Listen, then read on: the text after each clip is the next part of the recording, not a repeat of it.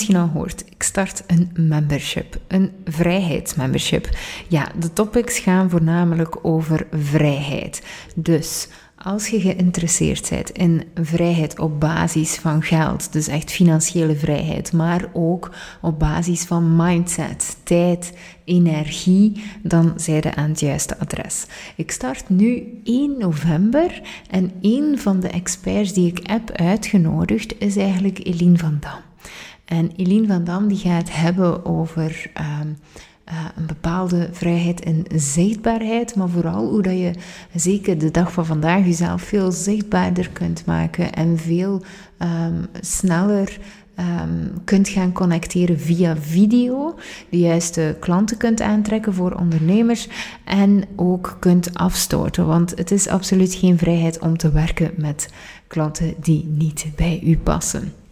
Nu, die vrijheid gaan we al een klein stuk uh, bespreken vandaag in de podcast. En als je het ziet zitten om het vervolg aan te horen, dan kunt je onder de show notes inschrijven voor het membership en de masterclass uh, deelnemen live, waar je ook vragen kunt stellen. Maar eerst en vooral ga ik u laten kennismaken met Eline. Ik ben Eline van Dam. Sowieso heel erg leuk dat ik hier mag zijn. Ik vind het uh, heel tof om uh, deze podcast met je te mogen doen. Ik ben uh, eh, 21 jaar, dus nog vrij jong. Ik ben wel inmiddels al 2,5 jaar ondernemer. Begonnen als videograaf en inmiddels videomarketing coach. En daarin help ik coaches om online een hele sterke relatie te bouwen en echt een bedrijf te bouwen. Eigenlijk als verlengstukje van zichzelf met video's die er wel hè, goed uitzien, maar dan wel op een simpele manier. Ja, ja, ik, ik, ik vind het wel straf ook. Dus al twee jaar uh, ondernemer eigenlijk. Ja, op mijn achttiende begonnen, ja. Ja. ja. ja. ja. En gewoon ter, ter, omdat ik heel geïnteresseerd ben daarin, een jonge ondernemers, zijn er direct uitgegroeid uit uw, uit uw um, school tot dit, of niet? Nou, ik heb het eerste jaar inderdaad wel gestudeerd. Ik deed marketing en sales. Um, en wat het bij mij altijd was, ik vond leren ook heel leuk. En motivatie of zo. Ik heb ook een tijdje op VWO gezeten, maar ik merkte, oké, je hebt mensen die gewoon heel veel motivatie hebben om te leren en dan haalde ik een zes. En je hebt mensen die op een ander level nog slimmer zijn en die zien gewoon hoe dat zat. En daarin was ik gewoon de leerling die gewoon meer de motivatie had om het allemaal tot me te nemen. Um, en met die gedachte ben ik ook toen in het HBO gestapt. En daarin merkte ik ook, als ik gewoon het leerde, dan was het eigenlijk wel goed. En dat maakte het eigenlijk heel erg voorspelbaar dat ik op een gegeven moment dacht, ja, um, ja, weet je, is dit dan.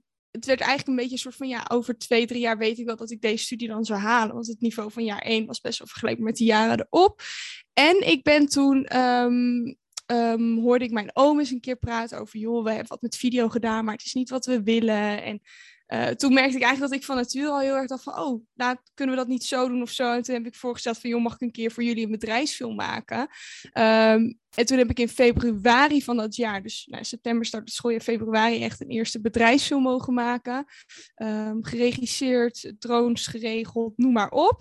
En mhm. toen merkte ik inderdaad van, hé hey joh, maar eigenlijk kun je al best wel veel dingen zonder opleiding. In de zin van, hè, voor een dokter heb je natuurlijk, moet je echt dingen weten. Ehm, maar op dit vlak was ik al wel zo'n vier jaar met video's eigenlijk bezig in de zin van vakantievideo's maken. Hè, ik, ik, wil dat mijn vakantie terugvertellen. En dan merkte ik als ik foto's liet zien, was je uren bezig en moest je bij alles wat vertellen. Dus als ik een filmpje liet zien van een minuut, was iedereen een soort van voor zijn gevoel weer even op die plek. En merkte ik van wow, hè, um, video doet heel veel. Dus in dat opzicht had ik al wel wat video's gemaakt. Maar echt door die bedrijfsfilm merkte ik van joh, hey eigenlijk kun je soms al best wel veel. Ehm, ja, niet zelf, maar zeker in de marketingwereld kun je gewoon online heel veel al leren, ontdekken. En is school niet altijd per se meer nodig of de beste route om daarin te groeien. En vanuit dat punt ben ik besloten, omdat ik ook geen andere studie kon vinden die daar wel bij aansloot, uh, om inderdaad te gaan ondernemen. Ja, oké. Ja, interessant. Want, want um, jij um, helpt op dit moment vooral mensen um, video's zelf te maken of jij maakt de video's? Ik veronderstel dat eerst. Snap. Nee, ik heb inderdaad mensen uh, tijd geholpen bij het maken van die video's, maar waar ik ook heel erg tegen aanliep, en dat zullen misschien luisteraars ook wel hebben, ik vond het echt heel leuk. En ik had echt zoiets van, ik zit wel in mijn volle potentieel al. Of hoe zeg je dat? Dat gevoel van, ik zit hier op mijn plek. Uh, dat is misschien ook nog wel leuk om te benoemen. Ik begon dus met bedrijven. Uh, in die in rond februari, toen heb ik me ook ingeschreven bij de KVK. Nou, half jaar voor bedrijven gewerkt, leuke opdrachten ook gehad. En toen in november werkte ik samen met vrouwelijke ondernemers. Daar begon dat eigenlijk al. Toen dacht ik van, joh, maar uh, die vrouwelijke ondernemers, daar komt er nog meer creativiteit. Daar komt, wordt, wordt het eindresultaat nog beter. Dus dan heb ik van de een of andere dag besloten. Ik had net mijn visitekaartjes binnen. Hele bedrijf omgegooid. Opgericht voor vrouwelijke ondernemers. Ben ik daar dus een jaar video's voor gaan maken. En toen merkte ik, hé, hey, maar eigenlijk kwam mijn keuze best wel uit een misschien egoïstische keuze voort, zou je kunnen zeggen. Dat ik merkte van, hé, hey, maar als ik, want ik kijk ook altijd naar langer termijn, dit over twee jaar nog steeds moet doen en hè, die omzet wil behalen of echt wil doorgroeien, dan zal dat betekenen dat ik vier of vijf dagen per week echt volop bezig ben en video's moet blijven maken. Hè, ik mhm. moet daarvoor aanwezig zijn. En die dagen waren heel intensief. Ik had rugpijn, hoofdpijn na zo'n dag. Het was gewoon heel zwaar. Dus ik merkte daar al, vroeg of laat ga ik daar op een soort kantelpunt voorkomen als ik dit blijf doen. Hè? En, en bij mij is dat altijd een teken van, hé, hey, dan is het niet, dan is er werk aan de winkel. Uh, want ik geloof al dat wat je doet, dat je het gevoel moet hebben, oké, over twee jaar kan ik die groei nog steeds, hoe zeg je dat? Ik, ik kan die groei dragen of over twee jaar wil ik het nog steeds op die manier doen. Want op het moment dat je eigenlijk denkt, ook, hoe zou ik het over een jaar of twee jaar doen en je merkt van, oh, dan zou ik dit anders doen, dan denk ik, oké, dan mag dat nu al anders. Um, dus zodoende ben ik inderdaad in de coaching ook gegaan, omdat ik dus merkte van, hé, hey, ik gebruik video's destijds ook al om mij als videograaf aan te prijzen. Als, en zet ik ook al video's in om mezelf als videograaf neer te zetten. En daarop zeiden mensen soms, kreeg ik vier, vijf aanvragen per week. En dat mensen zeiden, oh, ik zag je video en ik had gelijk iets van, ja, moet ik hebben. Uh, en dat effect merkte ik al heel erg. En toen dacht ik, hé, hey, maar als je als ondernemer dat niet kunt doen en jezelf niet zo video laten zien, dan moet ik heel veel andere trucken als het ware uit de doos halen, of hoe zeg je dat, om hetzelfde effect te bereiken. Um, dus voor mij voelt het heel veilig om een marketing via ja, video te kunnen doen, omdat ik dan dus, oké, ik weet dat de juiste mensen aanhaken, de juiste mensen ja, haken ook juist af. Um, en toen dacht ik, hé, hey, eigenlijk gebruik ik dat principe al. Waarom ga ik dat niet andere mensen uh, mee helpen? En dat stukje kwaliteit dus bijleveren. Want ik vind het zelf gewoon niet zo leuk om een video gewoon met mijn smartphone op te nemen. Ik bedoel, een video maakt niet zoveel uit of die succes heeft. Hè? Of je hem nou met je smartphone doet of met een grote camera. En, maar ik dacht toch van ja, voor mij hoort daar ook dus wel een stukje kwaliteit leveren bij. Dus het stukje van combineren van vrijheid, meer rust en um, ja, um, je marketing kunnen doen op jouw manier. Um, en op kunnen schalen op een manier die bij jou past. In combinatie met dat stukje kwaliteit leveren, positionering, ben ik toen gaan samenvoegen in een programma. Dus ja, ik lang antwoord, maar er zit altijd zo achter. Ik denk, oké, hoe gaan we dit goed uitleggen? Ik coach inderdaad ondernemers om dat principe dus ook in hun bedrijven te hanteren. Ja, ja, ja. En ik, eh, ik, ik vind het cool ook, want, want je komt het natuurlijk ook uitleggen in het membership, hè, in, de, in de masterclass. Dus dat is wel tof. Mensen die daarvoor willen inschrijven, kunnen dat hieronder in de show notes. Um, maar uh, op een bepaald moment triggerde mij, omdat je zegt van ik kreeg vier aanvragen bijvoorbeeld, achter een video. Ja, ik kan me voorstellen dat dat niet alleen is omdat je gewoon eens je gezicht laat zien op nee. video. Dus wat zit er daarachter? Nee, ik zeg sowieso altijd, het is niet zo dat... Um, ik geloof niet zozeer in cijfers, als ik het zo moet zeggen. Dus ik geloof niet dat jij uh, tientallen views moet hebben, of likes of reacties. En dat daar dan altijd dit uitkomt. Want als er eigenlijk iets is aan marketing, en ik heb zelf ook een lancering gehad waarbij er niemand reageerde. Ik had alles voor elkaar, alles goed. En soms kun je het, is het niet altijd even berekenbaar. Je kunt het nog zo goed doen, maar je hebt nou eenmaal niet altijd alles in de hand. En um, voor mij is video daar meer een manier van, hey, dit is wat ik kan doen. En ik weet dat mijn ideale klant, als hij hier naar zoekt, erop aanhaakt. Um, en tuurlijk zit daar ook, zitten daar ook posts op. Het is nooit alleen video en dan is het goed. Het is ook natuurlijk een goed aanbod.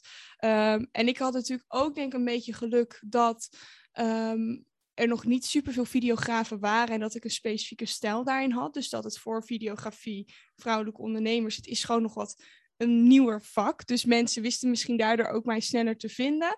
Ehm, maar ik denk wel dat mensen door video heel snel kunnen voelen, ja, met jou heb ik wel een klik of met jou niet.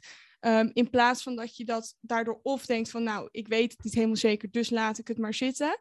Of mhm. dat je denkt na het zien van zo'n video, denkt van, hé, hey, ehm, ik voel juist heel erg wel een klik. Dus uh, dat is anders dan wat ik bij iemand anders had. Dus uh, kun je daarin al veel sneller stappen ook zetten als je bijvoorbeeld een sales call wil doen. Omdat iemand al weet, er is een klik. En dan gaat het, dat grootste deel, 95% die emotionele connectie, is al grotendeels, dat begin is daar al gemaakt. En dat begint dan niet meer tijdens die sales call. Dus inderdaad, het is niet één ding of het is niet zo berekenbaar. Ehm, maar meer omdat ik mezelf consistent liet zien, hadden mensen wel een heel goed beeld van: hey, als ik iemand daarvoor nodig heb, dan moet ik Eline hebben. En doordat in die video's duidelijk aanwezig te zijn en ook daarin, ik benoem dus altijd dingen van nu in mijn huidige marketing: als ik iets doe, doe ik het goed. Of hè, ik um, tolk het eigenlijk niet om vier dagen, vijf dagen volop te werken. Of ik noem daarin bepaalde dingen, omdat ik op die manier ook weer segmenteer bij mijn klant. Um, dus met die video's hoop ik wel te segmenteren, waardoor mensen sneller een aanvraag kunnen doen of gewoon simpelweg zelf beter weten of het voor hun zou werken. Want mhm. zeker, ik hoorde ook dat jij veel fotografen hebt als jij in die dienstverlening zit, en dat had ik als videograaf ook. Er waren heel veel klanten die misschien best prima ehm, een, een, aanvraag deden, maar waarvan ik gewoon tijdens die uh, call merkte van, joh, dit, wij denken anders. En dat is in heel veel gevallen niet zo erg. Maar op het moment dat je een creatieve ondernemer bent, is het heel belangrijk dat jouw klant op een bepaalde manier, op dezelfde manier als jou denkt. Want op het moment dat jij een andere visie hebt, is het heel lastig om dat bij elkaar te krijgen. Dus ik wist als ik een video ging maken en ik wist dat iemand anders heel anders in stond, zei ik dus ook heel veel van die aanvragen heb ik afgezegd, omdat ik wist, wij staan hier anders in. Ehm, dus door die video's probeer je eigenlijk dat steeds scherper te verwoorden. En ook daarin dus te segmenteren in hè, je klant, je doelgroep. Ja, en ik, ik kan heel goed volgen wat je daar zegt, want ik, ik voel dat ook. Ik vind video maken heel leuk, omdat je ja, bij tekst, punt 1, kan iedereen het opnemen zoals dat je wilt. En uiteraard bij video ook. Hè. Iedereen heeft zijn eigen um, visies en zijn eigen manieren hoe dat ze dingen opnemen. Ehm, maar het, het wordt wel anders, omdat je toch een bepaalde emotie legt in je stem, uh, handen gebruikt al dan niet, uh, waardoor dat, um, het minder verkeerd kan begrepen worden of... Ja. En, en dat vind ik wel inderdaad iets heel leuk aan video. Ik doe het wel veel met mijn smartphone. maar, maar ja, daar zit wel een hele grote vrijheid in dan, omdat ja, wij kunnen dat omdat we ons op ons gemak voelen. Maar hoe, hoe doe je dat als ondernemer of als mens als je, als je, ja, als je echt houterig wordt? Heb je daar tips voor? Ja, nee, het is wel leuk om daarin te beginnen met een verhaal. Ehm, ik ben namelijk op mijn zestiende ook nog beautyvlogger geweest. Voor een mhm. groot modeplatform in Nederland. Ik had een soort van aan het eind van mijn zomervakantie niks meer te doen. En ik denk, joh, ik schrijf me in voor die wedstrijd. We winnen toch niet, we zien het wel. Nou, wonnen we dus wel. en toen moest ik op dat YouTube-kanaal maandelijks video's gaan maken. En ik vond het verschrikkelijk.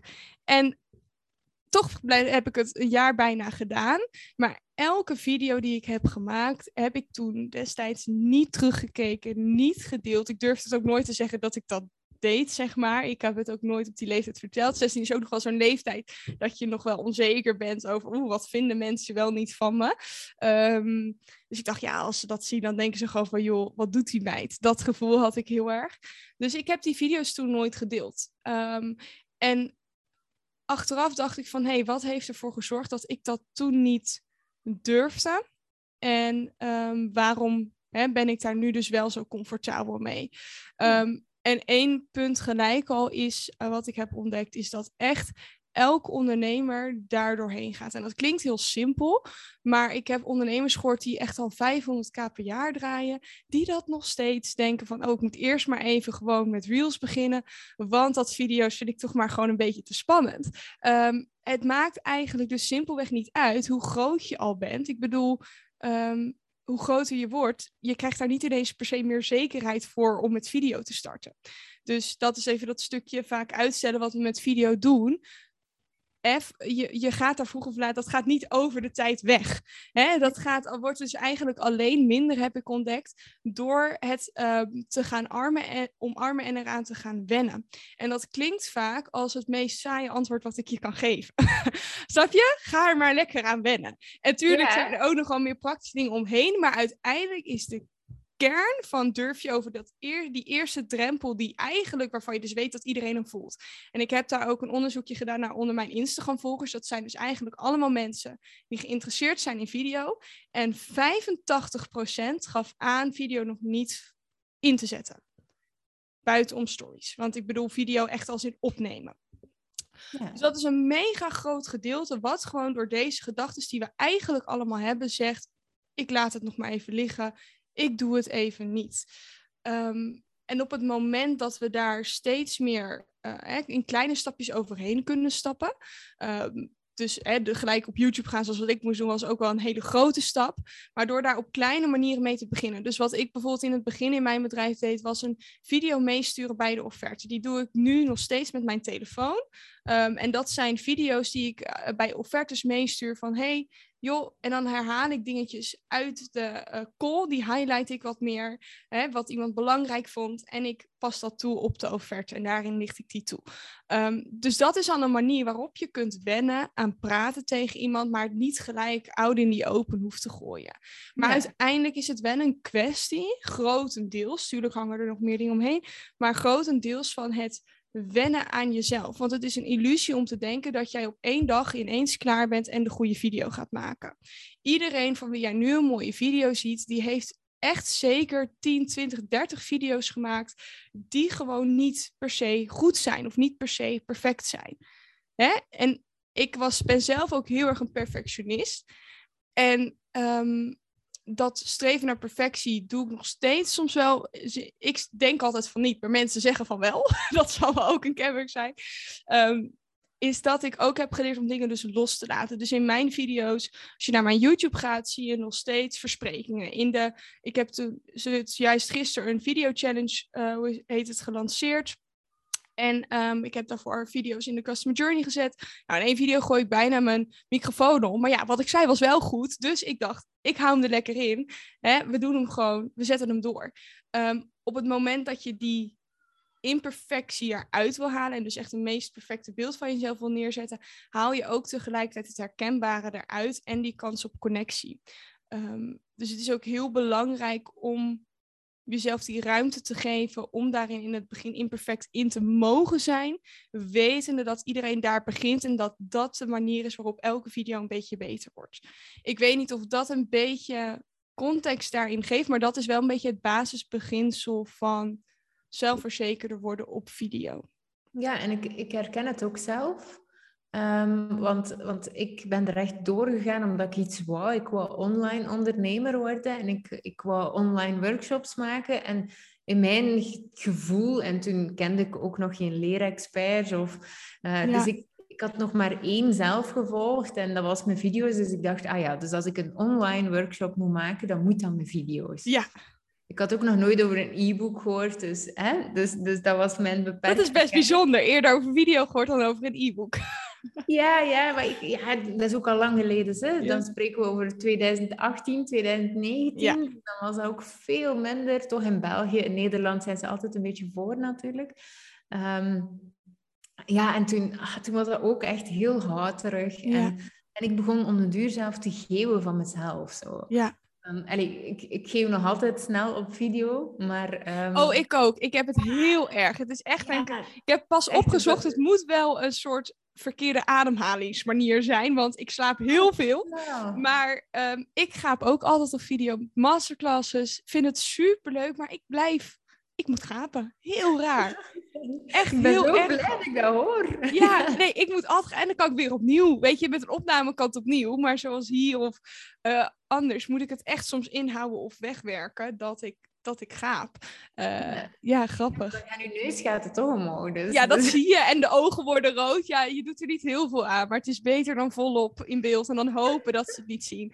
Ja, Ja, nee, ja, dat had ik ook. Dus, maar nu heb ik dat minder dan toen, maar ook heel houterig en, en zo, ehm, zo bang zijn om iets verkeerd te doen dat eigenlijk Mhm. wat dat eruit kwam totaal niet interessant genoeg was of Ja. niet tot de essentie. En inderdaad, door te blijven Ja. oefenen en te blijven proberen, Ja. wat ik uiteindelijk gedaan heb, omdat ik echt wel online ondernemer worden. ja, Ehm, ik merk wel dat ik ehm, minder, eh, dat ik perfectionistischer begonnen ben. Ook in mijn podcast veel meer knipte, echt eh, dingen sn- heel snel vond van mezelf dat ik domme dingen zei, dat er echt Ja. wel uit moesten.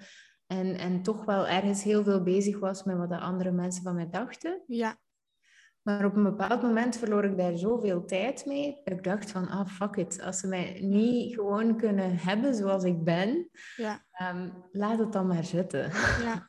En dat is gelijk ook een mooi realisatiepunt. Want ik hoorde dat pas ook van iemand anders. Die zei, want ik zei tegen haar van, joh, hoe heb je, ben je eigenlijk over die onzekerheid heen gestapt? Want zij heeft dat ook uiteindelijk zelf gedaan. In de zin van, ik help je wel bij, hè, natuurlijk video's maken, maar ik ga je niet volledig helpen om zelf die stap te zetten, zeg maar, om video's te gaan doen. Ik geloof dat je dat zelf echt als een soort overtuiging moet voelen van dit wil ik doen en dit vind ik leuk. Ja. Eh, en natuurlijk wil ik je daarbij helpen met tips of dingen, maar ik ga je daar niet zelf overheen trekken, laat ik het zo zeggen. En ik vroeg aan haar van, joh, wat heb jij gedaan? Toen zei ze, ja, ik kwam eigenlijk op het punt dat ik mezelf de vraag stelde, ga ik bereiken wat ik wil bereiken? Ga ik dat bedrijf bouwen wat ik wil, zou graag willen bouwen, op de manier hoe ik het nu doe? En of hè, vul hem in op de manier hè, zonder video daarin te gebruiken. Gaat het dan lukken? En voor haar was het antwoord heel duidelijk nee, want zij had ook zoiets van: ik wil een online programma, ik wil op YouTube eigenlijk graag meer eh, bereik krijgen, ik wil daarin. Dus voor haar was heel duidelijk dat dat een soort diep verlangen was van: hey, zo zou ik heel graag mijn bedrijf willen inrichten. En op het moment dat je realiseert dat je je droombedrijf eigenlijk hè, dan niet zou kunnen bouwen zonder dat stukje te doen, is het veel interessanter om daar nu al mee te gaan oefenen, mee te gaan beginnen. En wat je zei, je hoort het bij jou ook terug. Je eerste video, daarin voel je, is het, gewoon, het is gewoon ook niet je beste. Weet je, dat, dat is een illusie dat dat wel zo is. Het- en dat is ook helemaal oké dat die eerste video niet het beste is. Het gaat erom dat je juist in die eerste video's inderdaad dus leert jezelf te verwoorden. Leert ehm, om door te praten als het ergens misgaat. Die vaardigheid heb ik in stories geleerd, daarna groter opgepakt in video. En nu is het super handig in zo'n podcast met jou dat ik altijd weet.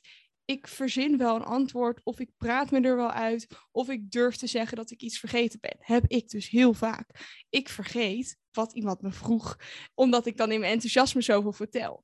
Eh, dus je leert ook een bepaalde kwetsbaarheid van jezelf te omarmen. En er zijn inderdaad dingen van je zegt, hey, die wil ik gewoon niet per se, eh, hoe zeg je dat? Wat jij ook zegt, die haal ik er wel uit. Hè, dat, mag ook in het begin. Je, je mag ook denken van, hey, dit, dit, dit soort dingen kloppen niet.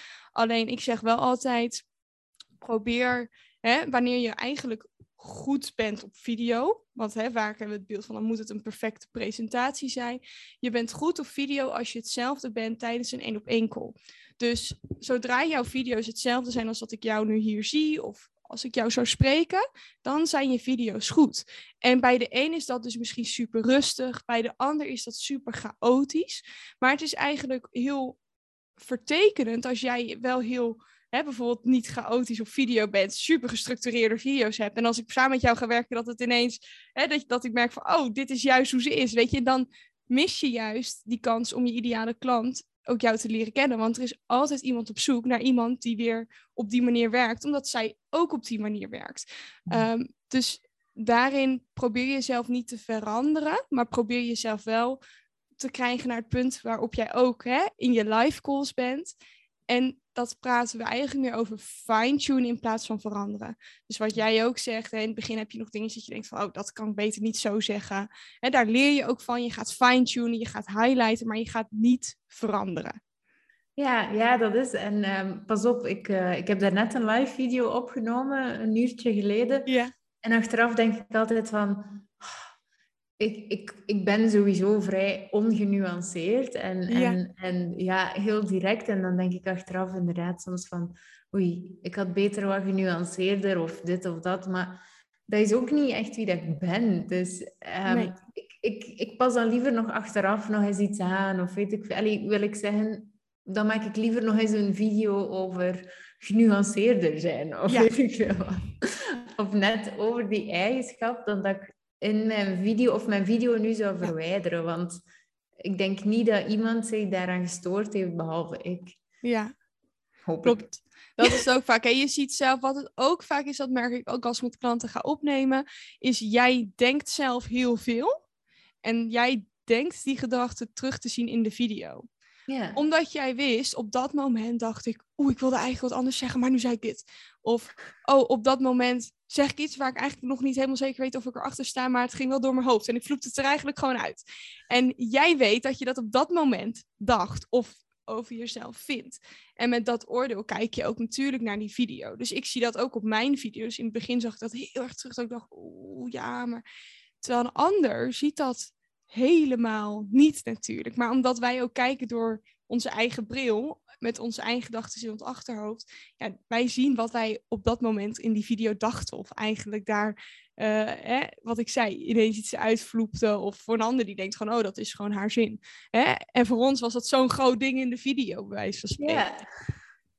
Ja, klopt. Maar, en, en dat is het ook zo. Het, je vindt altijd wel iets. Want dan, ja, dan denk je van, ja, mijn inhoud kan beter. En dan denk je van, ah ja, ik, ik, ik moet beter articuleren of beter zus of zo. En om de, om de duur is het gewoon een doodlopend straatje. Dus ik vind het wel heel mooi ook dat je zegt van, ja, doe gewoon. En dan... Um, leert je het wel vanzelf. Ja, en dat klinkt zo makkelijk, maar dat is dus gelijkertijd het moeilijkste. Want anders zeg niet 85 ik doe het daarom niet.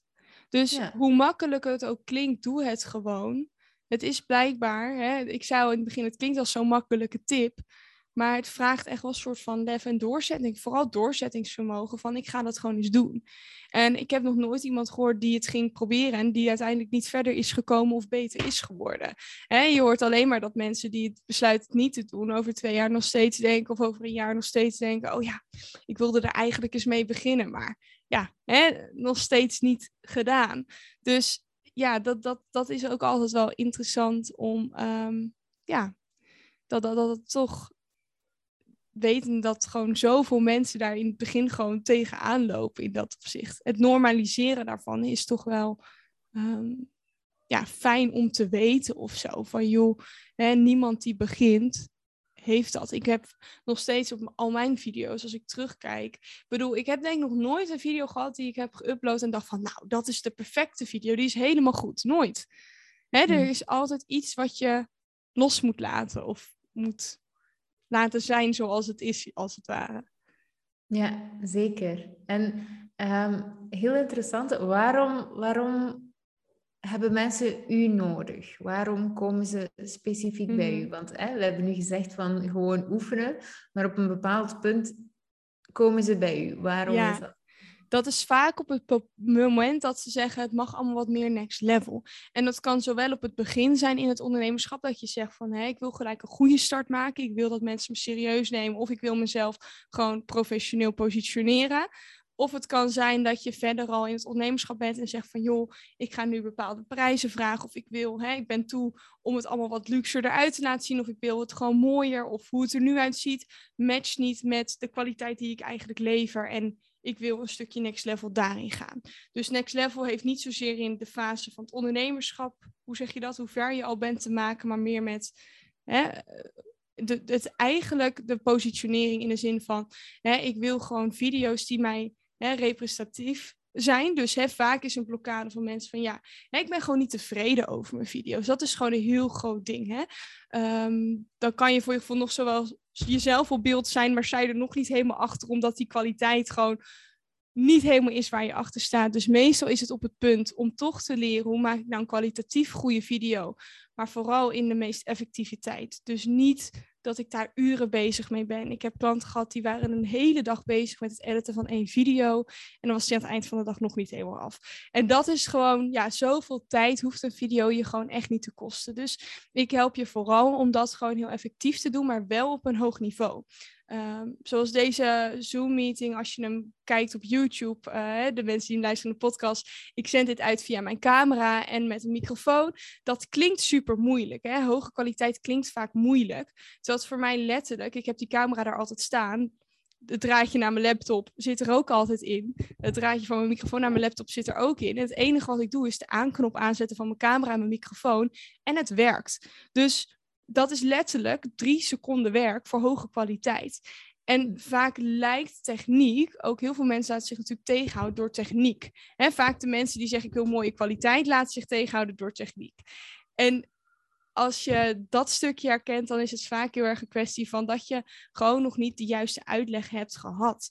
Ehm, toen ik pas een nieuwe uh, camera had gekocht, toen had ik daar een vloggrip, kreeg ik daarbij. En die vloggrip, die zou, nou, dat zou vier seconden moeten duren om hem te koppelen. Nou, wat denk je? Ik heb op zich nog best wel technische ervaring. Dus je zou zeggen, Eline, dat snap jij gelijk. Nee hoor, ik was er een uur mee aan het prutten, omdat die handleiding in alle talen was, behalve Engels en Nederlands. Echt verschrikkelijk. Ik weet niet hoe het ook kan, maar het was wel zo. Nou, dat resulteerde in dat ik echt heb geprut en geklooid. Echt, het was verschrikkelijk. Dat ik dacht van, nou joh, weet je, uh, laat maar. Tot een dag later dacht van, joh, ik zoek er even een video over op. En toen had ik in, nou, een video die legt in één minuut uit hoe het werkt. En binnen 30 seconden had ik het bewijs van spreken, was, werkte het. En dat ligt vaak ook bij techniek, is het een kwestie van, heb je de juiste info gekregen om het te snappen? Hè? Want techniek hoort in principe altijd, is dat gewoon een opstelsommetje van dingen die werken. En toevallig hoorde ik dat een oud klant van mij ook die vloggrip had gekocht en hetzelfde probleem ervaarde. Mhm. Dus bij die vloggrip leveren ze niet de juiste informatie voor jou om het te snappen.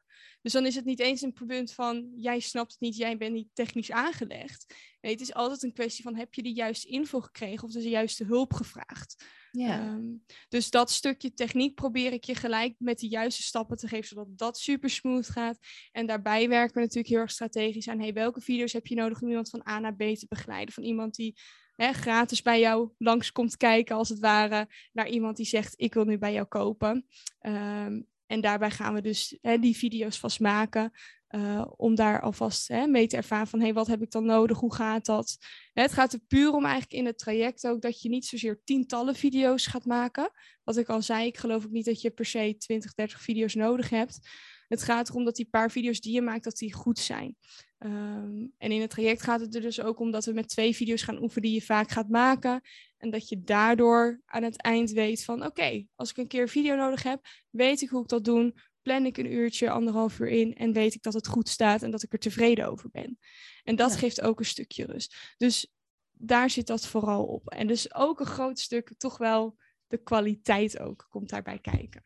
Ja, ik, uh, ik krijg helemaal imposter syndroom in mijn badkamer voor de mensen die op YouTube kijken. En uh, ja, oké. Ik, uh, ik heb één excuus, ik ben verhuisd. maar ik moet wel toegeven dat ik dat ik ook mij er een beetje, ook al weet ik dat het heel simpel is, maar dat ik mij er ook wel een beetje tegenop zie om mijn camera erop te zetten. En ik heb echt een goede camera. Dus ja, en je weet ook eigenlijk hoe het grotendeels soms eh, natuurlijk werkt qua instelling, omdat je fotograaf ja, bent. Ja, alhoewel, ik, het kabeltje zelf, um, ja, ja, ik, ik, ik flip wel zo. Als ik zo te veel kabeltjes zie, dan heb ik al geen zin meer. Nee. Het is gelijk dat ik daar een allergische aanval van krijg of zo. Ja. nee, maar ook wat je, wat je net noemt over de badkamer op de achtergrond. Het is ook dat je doet wat je kunt. Hè? Mhm. En dan is het hoge kwaliteit. Even, hè? Dus hoge kwaliteit denken we allemaal per se aan de standaard die ik bij wijze van spreken misschien dan neerzet of neerleg. Nou, ik heb hier toevallig nu de optie om dit makkelijk zo neer te zetten. Terwijl ik heb twee weken in Lissabon gewerkt, twee weken geleden. En daar had ik die optie niet. Dus dan moest ik het gewoon even doen met hè, een andere setup, met, ander, met geel licht, met iets flikker op de achtergrond. En dat was prima, want je doet wat je op dat moment kunt. Hè? Maar dus, dus het is ook niet altijd zo van, hé, hey, dan is het niet goed als het daar niet aan voldoet. Maar als je iemand bent die zegt, hé, hey, ik wil het toch graag goed doen en ik wil iets neerzetten waar ik, hè, uh, ja, waar net even iets meer aandacht aan is besteed. En er zijn dus ook heel veel mensen bij wie dat totaal niet uitmaakt. En dat is dan juist slim om dan lekker met je smartphone je video's te maken. Want blijkbaar is dat dan jouw positionering en past die juist heel goed bij jou. Dus voor jou is misschien eerder de vraag, hey, passen die smartphones dan misschien gewoon beter bij je of de webcam en is dat gewoon voldoende? Of wil je ook uiteindelijk echt dus die positionering meer neerzetten van hé, nee, ik wil echt met een camera dat opnemen en dat kwalitatief aanpakken. Dus ook een beetje, daarin is het niet zozeer een vraag van, hey, waardoor krijg je de beste video's? Want ze kunnen in beide hoeken zitten. Het kan in een smartphone video zitten, het kan in een camera video zitten. Alleen ik bijvoorbeeld weet dat het voor mij persoonlijk, dat ik het beste uit de verf kom als mijn video met een camera is en dat dat allemaal goed werkt. Um, en dat verschilt dus gewoon per persoon. Um, en dat is dus ook zo leuk om dat uit te gaan zoeken. Hey, welke manier van video daarin of kwaliteit past daarin bij jou? Want dan kun je dus ook helemaal oké zijn als je video, als er juist een badkamer op de achtergrond is. Dan is dat juist helemaal lekker oké en juist iets typisch Kim. Snap je wat ik bedoel? Um, dus is er juist misschien helemaal geen goede reden om dat weg te halen. Of om anders te gaan zitten. Want dan wordt het misschien veel te gepolijst en is het niet meer jou. Um, ja. En je kunt ja, dus, ja. Oei, sorry, ik onderbrak u. Nee, geen probleem. Uh, ja, en dat, dat is ook wel echt typerend mij. Want ik ga ook niet een, een mooi pakje gaan aantrekken of zo, omdat ik live ga. Of ik vind het niet erg als er een gat in mijn trui zit. En um, uh, daar zitten de essentiële dingen voor mij sowieso niet in het leven. Ja. Dus, dus inderdaad, wat je zegt, moest ik nu in één keer uh, strak in het pak zitten, zit er iets niet kloppen. Nee, maar precies, dan zul je ook merken dat je dan gewoon niet lekker in je vel zit of niet beter wordt voor de camera in die zin. Hè? Dat, het, dat het eigenlijk alleen maar meer van je af gaat staan. Uh, maar het is wel goed om te onderzoeken, is dat gewoon puur de onwetendheid? Hè? Houdt de onwetendheid mij tegen? Of past die smartphone gewoon beter bij mij en past een camera gewoon niet bij mij. Want je kunt natuurlijk nog steeds met een camera je trui met gaten aantrekken en een, en een uh, badkamer op de achtergrond hebben. Wij spreken, noem maar wat. Hè? Dat, dat, dat, dat kan natuurlijk nog steeds. Dus het is niet zo dat een camera je video gelijk gestileerd maakt. Dat, dat is natuurlijk ook een illusie. Het enige wat ik vaak zeg, ook qua workflow en tijdsgewijs gezien, is een camera vaak veel sneller, omdat alle, hè, bijvoorbeeld, ik heb ook in mijn programma, krijg je presets voor audio, voor beeld. Hè, tijdsefficiënter is het vaak wel. Want ik heb op mijn telefoon geëdit en dan ben ik er tien keer langer mee bezig. Moet ik het omzetten naar dingen? Moet ik hem weer via wie transfer daarheen sturen? Noem maar op.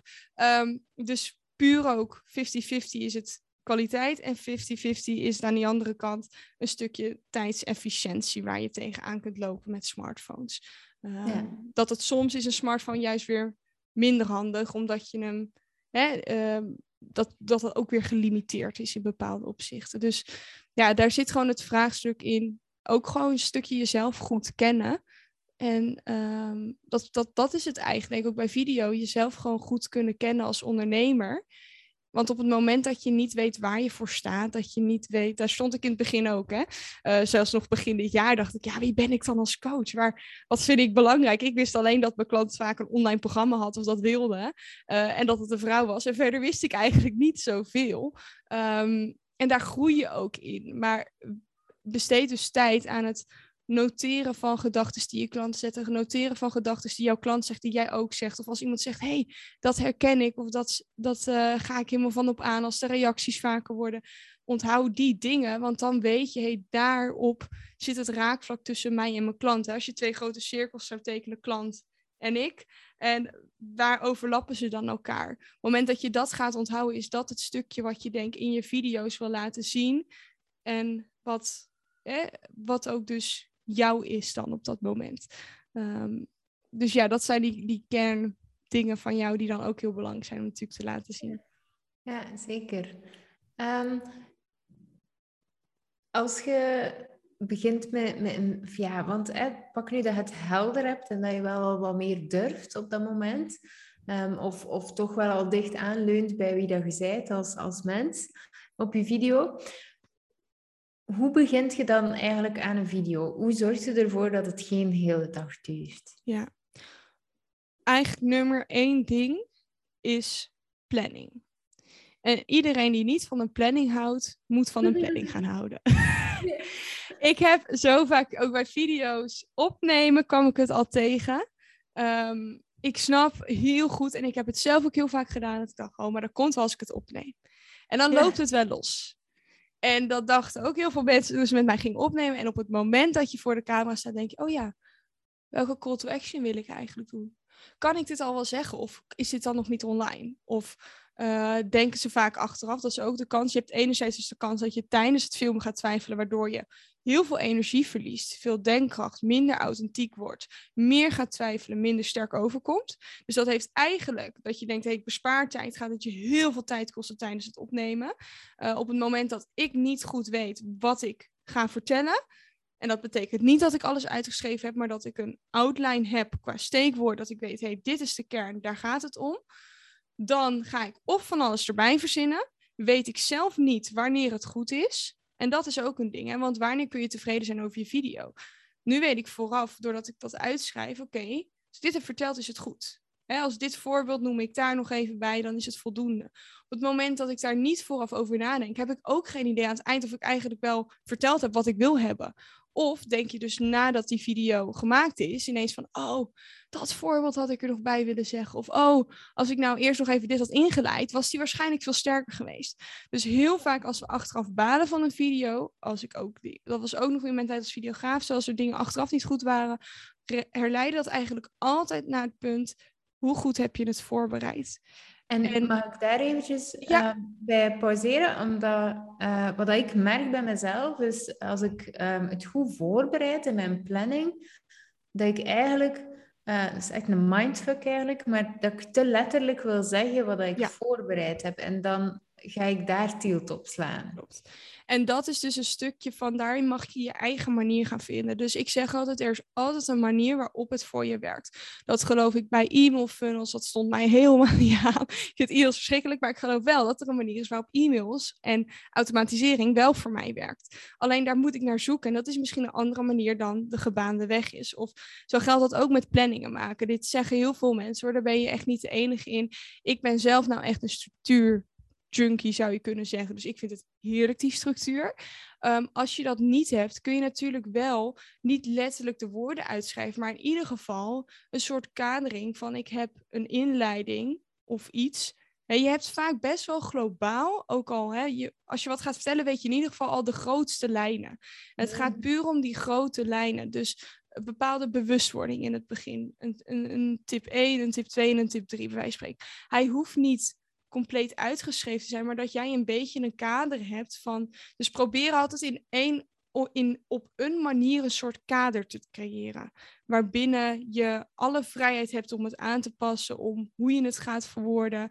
Um, maar dat je een beetje weet, oké, deze onderdelen moeten er in ieder geval komen daarin terug. Of komen aan bod. En dat is dus altijd een beetje oefenen van, hey, wanneer werkt dat voor jou het best? Wanneer klap je ook niet dicht? Hè? Dat zie je ook dat veel mensen juist door, hè, doordat het er staat ineens dicht gaan klappen. Ja, um, dus, ja. ja. ja, dus probeer eens dan te kijken naar dus inderdaad bijvoorbeeld Hè, structuur is natuurlijk een heel breed begrip. Hè. Voor de ene is dat uitschrijven, voor de ander zijn dat bullet points. Um, en bullet points kan ook weer. Het kan zijn dat je één woord opschrijft of dat je inderdaad dat nog weer in drie dingen opbreekt. In jouw geval zou bijvoorbeeld één woord dan voldoende zijn, bij spreken. Maar het ligt dus ook aan, kijk, gaat het altijd goed? Of heb je achteraf zoiets van, hè, eh, er moet natuurlijk wel een bepaalde pijn al zitten, wil je dat gaan aanpassen? In de zin van, um, ervaar je nu ook echt dat je achteraf denkt, ook al dit erin kunnen zeggen, of ik heb dit gemist. Heb je dat op dat moment niet en ben je niet te lang bezig met het opnemen, dan is er ook geen probleem of reden om dat te gaan doen. Uh, op het moment dat je wel zegt, het kost me heel veel tijd, ik ben tijdens het opnemen met van alles en nog wat bezig, daardoor ben ik niet lekker mezelf op beeld. Ja, dat heeft vaak te maken omdat je nog in je hoofd zit. En op het moment dat het niet meer in je hoofd zit, kun je hè, je energie overbrengen op beeld, daarin jezelf zijn. Um, dus in dat geval is het lekker als het vooraf voor jou helder is wat je in grote lijnen wil gaan vertellen. Dus dat ligt ook aan je, hoe je proces op dit moment natuurlijk gaat. Het moet altijd wel iets oplossen, het moet niet je vertragen. En ja. Uh, ja. Zeker. En ik, um, ik, het is grappig, want mijn podcast bijvoorbeeld, die schrijf ik helemaal uit. En uh, ik, ik merkte daar ook dat ik het heel spontaan wou doen, maar dat dat totaal niet, niet, niet lukt, want dan wil ik dat zeggen. Um, dus mijn, mijn uh, monologen, laten we het zo zeggen, die lees ik echt. Maar ik ben ondertussen zodanig getraind dat het heel spontaan gelezen wordt en dat ik het ook niet, ik vind het ook niet erg als ik mij eens mispreek of weet ik veel wat. Uh, Maar op video gaat zoiets niet. Dan, dan moet je echt... Ik moet echt wel inderdaad dan werken met bullet points. Dan werk ja. Ja. ja, maar dat is ook hoe ik het doe. Gewoon puur een paar bullet points. En als er ergens een belangrijk voorbeeld was, dan... Want dat is ook een stukje gewoon nadenken, hoe help ik mijn klant het beste? En ik weet dit voorbeeld van, die, uh, van dat uh, vlogclipje, dat ik op dat, dit moment, ook al maak ik die mooie video's bij spreken, zou ik heel veel technische kennis moeten hebben. Op het moment dat mij dat nu nog steeds niet lukt, zonder de juiste uitleg, geeft aan dat dat ook een stukje herkenning misschien kan creëren. En dat voorbeeld kan heel relevant zijn. Dus daarom weet ik, oké, ik help mijn klant er beter mee als ik dat voorbeeld wel even deel. Dus zet ik een puur even neer, soms alleen al voorbeeld grip bij spreken. En ik weet weer van, oké, haal dat nog ergens aan. Uh, maar op die manier kan ik hem heel natuurlijk blenden in wat ik daarvoor al ging zeggen. Um, en, en ja, en voorkom ik dat ik achteraf dus bij mezelf denk van, oh ja, nu heb ik dat niet gezegd, nu raakt hij net niet helemaal. Zijn mensen niet helemaal bewust van waarom? Of hè, um, ja, heeft het zijn doel niet bereikt? En ik denk dat dat belangrijk is. Heeft je video zijn doel bereikt? Is het antwoord ja? Nou, dan is het helemaal goed natuurlijk. Um, bij mij was het alleen, ik zie dat bij heel veel mensen, dat het ook vaak niet, niet zo is door die stukje voorbereiding, planning. Planning klinkt heel strak, uh, maar voorbereiding in de zin van kaderen, wat we het net over hadden.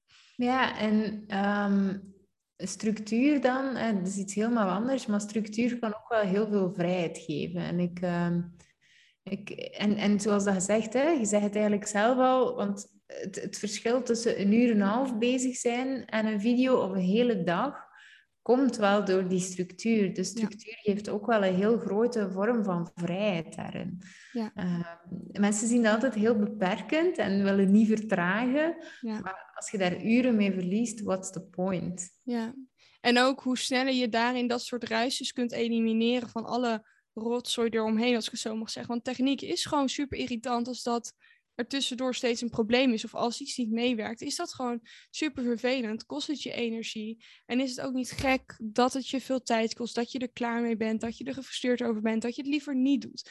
Dat is dus helemaal niet zo gek als je dat ervaart. Maar op het moment dat er dus wel een bepaalde structuur of handigheid in komt. Hè? Dat er gewoon is van, hey, eerst sluit je dit aan, dan komt dit. Hè? Even heel praktisch gezegd als we het over techniek hebben. Of dus hè, bij die planning van zo'n video, hey, denk vooraf in ieder geval even over na. Hoe ga je hem openen, bij wijze van spreken?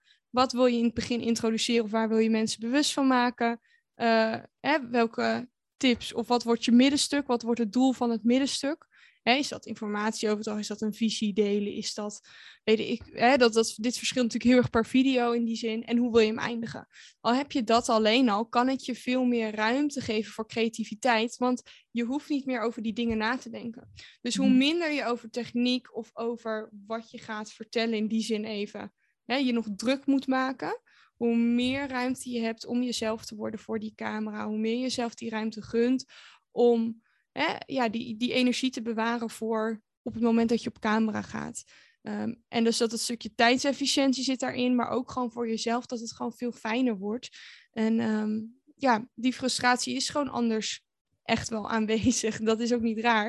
Um, maar probeer dus altijd te kijken, hey, waar ligt die ten oorzaak van? Komt dat doordat ik spullen gebruik die eigenlijk helemaal niet werken? Hè? Sommige mensen hebben alleen een klein statief.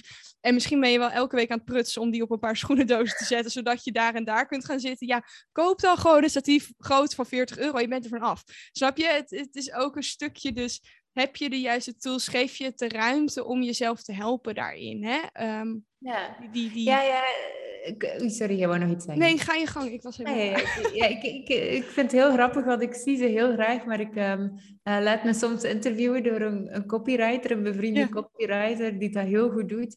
Maar elke keer opnieuw um, is er gsm-plat als we willen starten.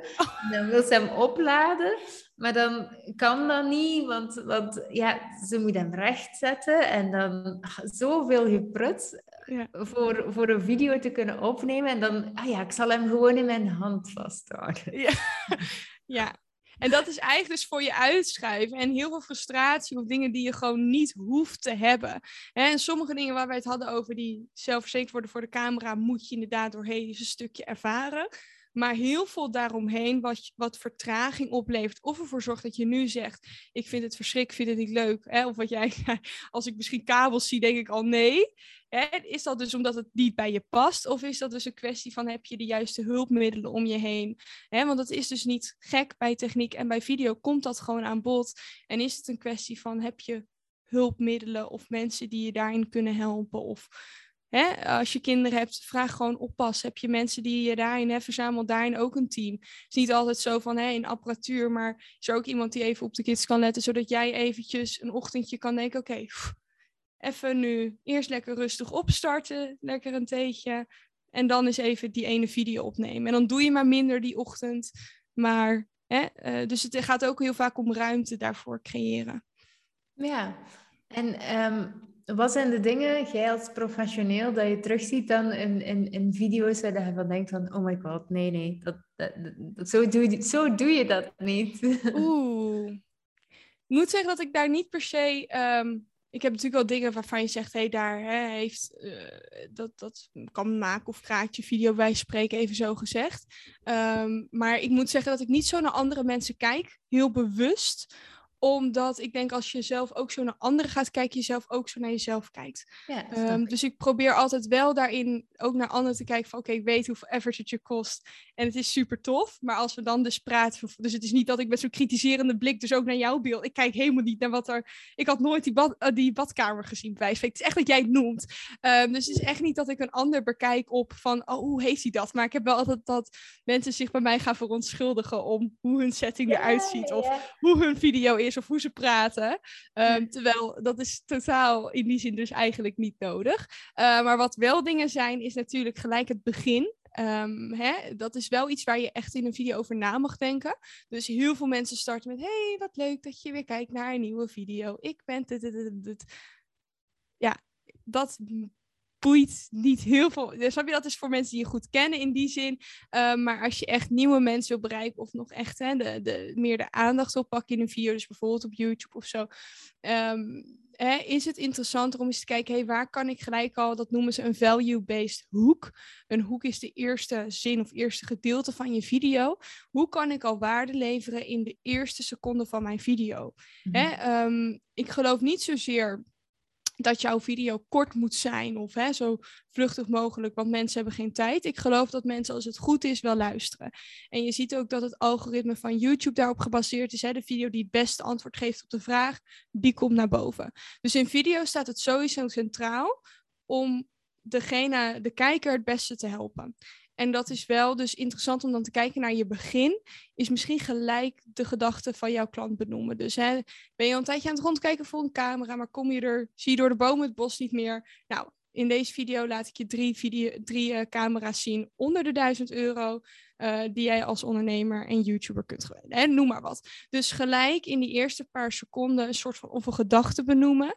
Of hè, een value-based hoek waar ik het over had. Um, gelijk um, bijvoorbeeld iets zeggen als. Um, drie dingen die ondernemers vaak vergeten is dit, dit en dit. Terwijl als je zus en zo doet, dat helemaal niet zo hoeft te zijn. Of hè, veel sneller zou kunnen gaan. In deze video laat ik je zien hoe dat... Hè, dus gelijk met waarde komen en dan zeggen... hey, ik ben Eline, ik ben... Hè, dus maak het om de klant in plaats van om jou. Dus mensen gaan heel vaak vanuit ik vond of het eigen... Hè, een video die heel veel mensen denken dat ze moeten maken... is de over mijn video. Terwijl dat is bijna geen dat is niet de video die ik bij mijn klanten zeg, laten we die als eerst gaan maken. Hmm. Het gaat altijd om waar kun je je klant nog helpen? Welke vragen krijg je misschien vaak? Waar hè, um, haken mensen op vast bijvoorbeeld? Waar kunnen we daarin beter ondersteunen um, met video? Bijvoorbeeld FAQ-video's, uh, FAQ uh, je vragen in video's doen. Hè, waarin je bezwaren meer kunt tackelen. Dus niet die praktische FAQ's, maar echt meer, ik heb het geld nog niet of ik vind het spannend om te investeren. Super interessant als jij dan je licht daarop schijnt, hoe jij daarover denkt. Want dan coach je ze eigenlijk al in die video. En ervaren ze al hoe het is om van jou te leren of door jou te coachen. Dus ik denk dat gelijk het eerste, ja, of meest grote ding dan zou zijn, zorg dat die video de topic van de video, maar ook hoe je die video inricht, draait om de klant. Ehm, en niet zozeer om jou. En koppel natuurlijk wel jouw expertise aan of noem eigenschappen waar jij voor staat. Hè, die kun je benoemen. Dus hè, ik geloof niet zozeer dat je heel veel cijfers per se moet, wat ik net op het begin zei. Dat zijn allemaal dingen waarin je het wel persoonlijk maakt, maar wel, ehm, hoe zeg je dat? Ehm, in dienst van je klant of wat bijdraagt aan ehm, ja, het doel daarin. Ja, zeker. en ik denk dat het als ik het op mezelf reflecteer, de momenten dat ik eigenlijk het minst waarde lever en het over mij laat gaan, is meestal als ik uh, onzeker word.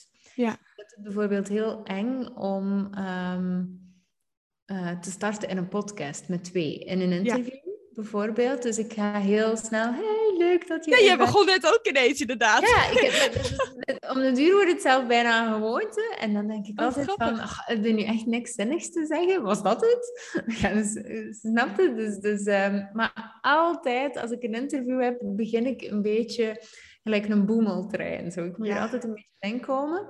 En dat is dus inderdaad, ik word veel, ja, toch wel egocentrischer dan van uit onzekerheid. Want dan gaat het niet meer over de klant, maar over mij.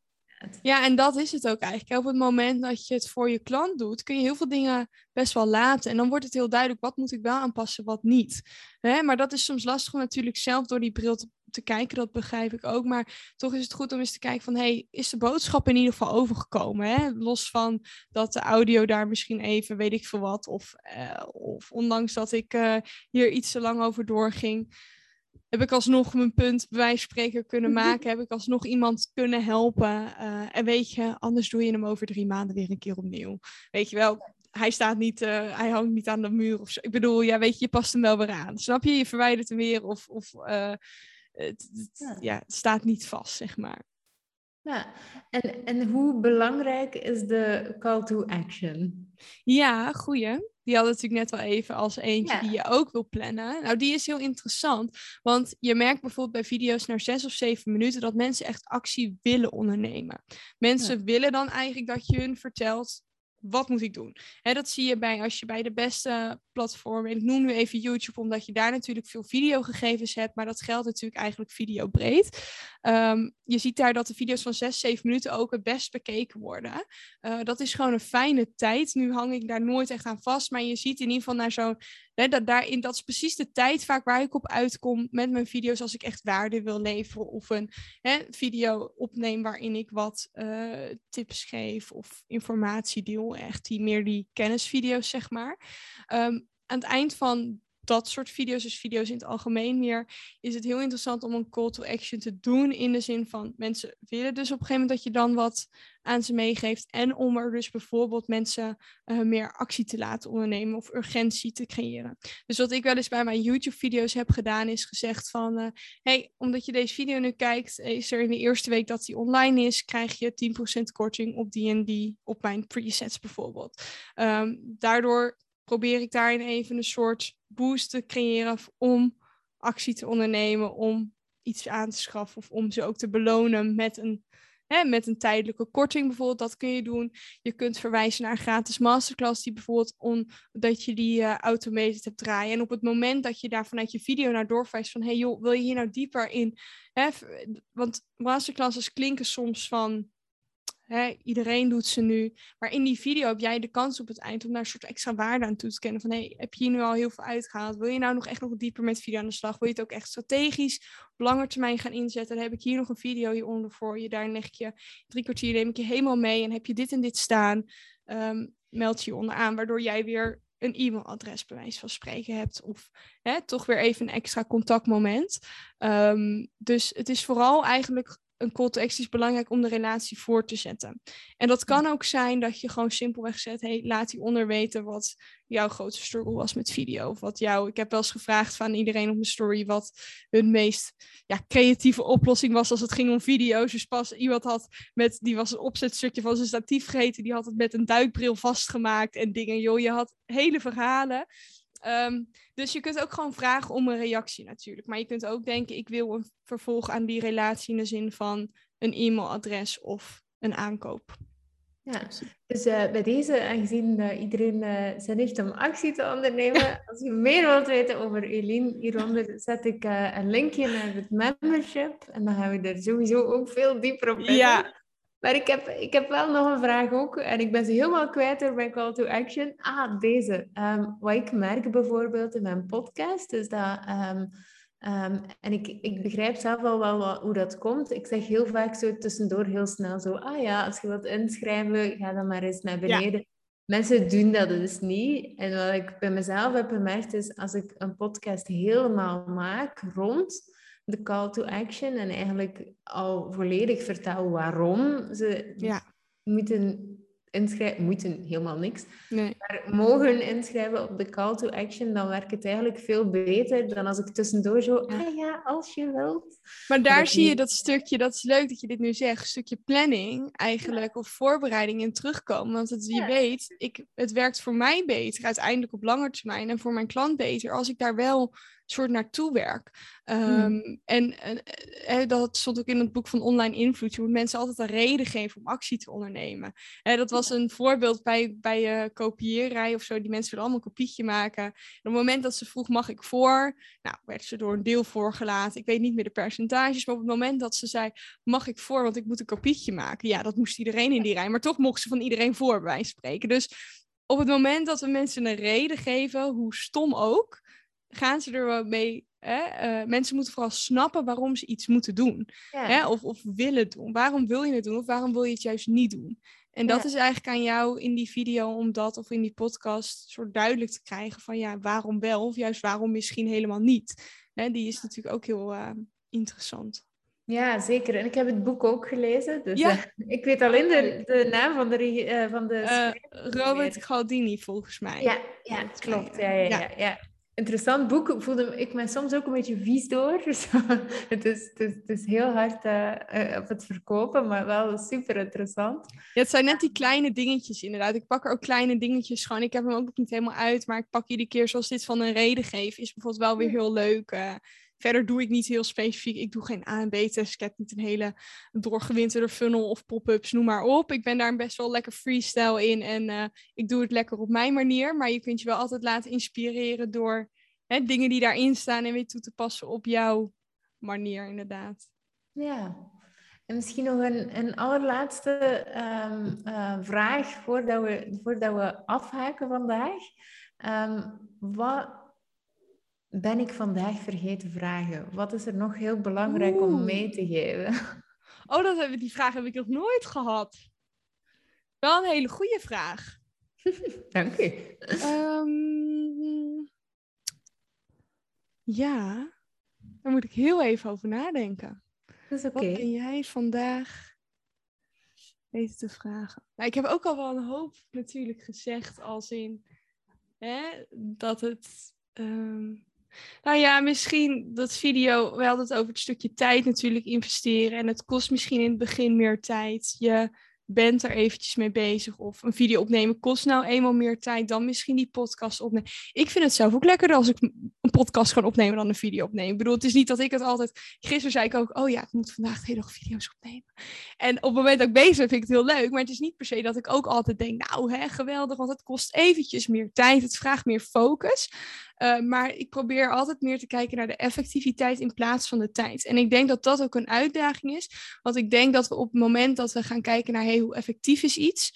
Hè, en dan hoeft dat niet eens te zijn dat er per se klanten uitkomen. Maar het kan ook wel effectief zijn. Omdat ik op die manier denk van hé, hey, ik heb mijn marketing nu. Het staat, ik kan er met een gerust hart nu Ehm, mijn challenge lanceren, zoals in mijn geval. Hè? Dat ik daar even een paar video's heb. Dan weet ik, hey, ik heb aan die connectie al gewerkt. Ik kan het met een gerust hart nu de wijde wereld ingooien. Dus dat kan ook hè, effectiviteit zijn daarin. Um, maar probeer dus te kijken naar hey, hoe, um, ja, wat, wat, wat bereik je meer met video, zeg maar ook long term dus. Hè? Wat, wat zit daar op lange termijn hè, qua uh, waarde in qua connectie, qua um, toch snellere die connectie, die band bouwen met iemand. In plaats van dat je even snel denkt, ik schrijf toch een post of ik ga voor de iets snellere weg nu.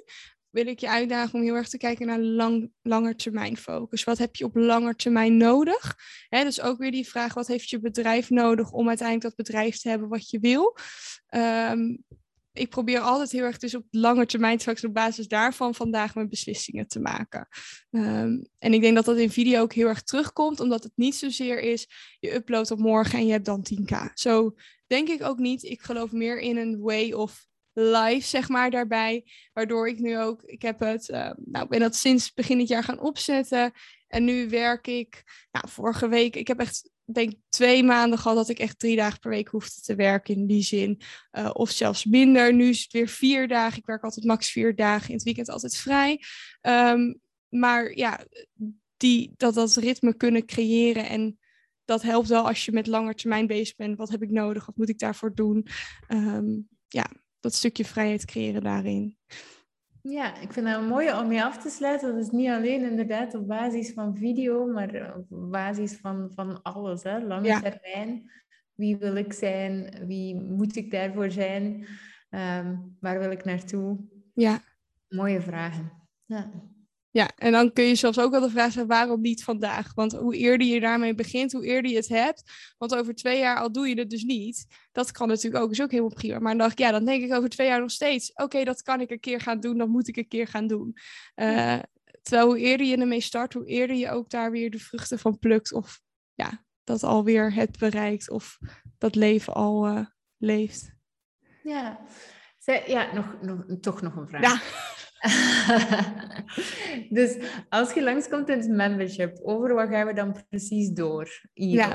Want ze hebben nu al een heel deel gehoord, maar waarop gaan we verder? Goeie. Nee, wat we in membership echt gaan doen nog, is echt inzoomen op de werking van video. Dus het is heel belangrijk als je video voor je bedrijf wil gebruiken, in je bedrijf voor je wil laten werken, dat je snapt hoe werkt video aan de achterkant eigenlijk. Hè? We, het klinkt heel stom, maar video heeft ook een werking. En als je snapt wanneer je een connectie maakt, hoe je een connectie maakt, hè, hoe je daarin um, welke dingen je wilt triggeren bij mensen. Um, op het moment dat je snapt hoe je dat kunt gaan inzetten, kun je daar ook beter gebruik van maken, ben ik van overtuigd. op het moment dat je geen idee hebt hoe video werkt of hoe je daar wat uit gaat halen, voelt het ook als zonde van je tijd. Um, dan heb je het gevoel van, ja, wat ga ik nou met deze video of waar moet ik met video aan de slag? Op het moment dat je helder hebt, hey, zo zou ik daarmee aan de slag kunnen gaan en zo, hè, op die manier zou dat dan kunnen werken en daar kan ik dan op vertrouwen, want hè, daar um, focus ik mij dan op in die video's die ik daarna ga opnemen. Um, dat geeft dus en een stukje zelfvertrouwen, en omdat je gewoon weet, oké, zus en zo ziet dat eruit. Dus enerzijds heb je daardoor heel erg helder van, hey, daar kan ik mij inspelen op die customer journey. Daarin kan ik mijn klant helpen om makkelijker voor mij te gaan laten kiezen. Dat is eigenlijk vooral het thema. Maar ook hoe bouw je vertrouwen? Hoe maak je nou die connectie? Eigenlijk allemaal dingen die heel belangrijk zijn in het maken van gewoon een goede video in zijnde een goede video waar jij ideale klant op aangaat. Um, of zich in ieder geval meer verbonden voelt met jou en jouw niet-ideale klant denkt, oh nee, jou moet ik dus niet hebben. Daar gaan we naartoe werken. Dus aan het eind hoop ik altijd dat het wat concreter is en dat mensen een beter beeld hebben van, oké, hoe kan video in mijn bedrijf werken? Ja, oké, super. Dat is heel duidelijk. Um, dus als je daar graag aan wilt deelnemen, dan kunt je hieronder via de show notes uh, inschrijven voor het membership. En ik kijk er ook naar uit om je daar te ontvangen. Ja, superleuk. Ik heb er ook wel helemaal zin in. Dus uh, te gek als de luisteraars er ook bij zijn.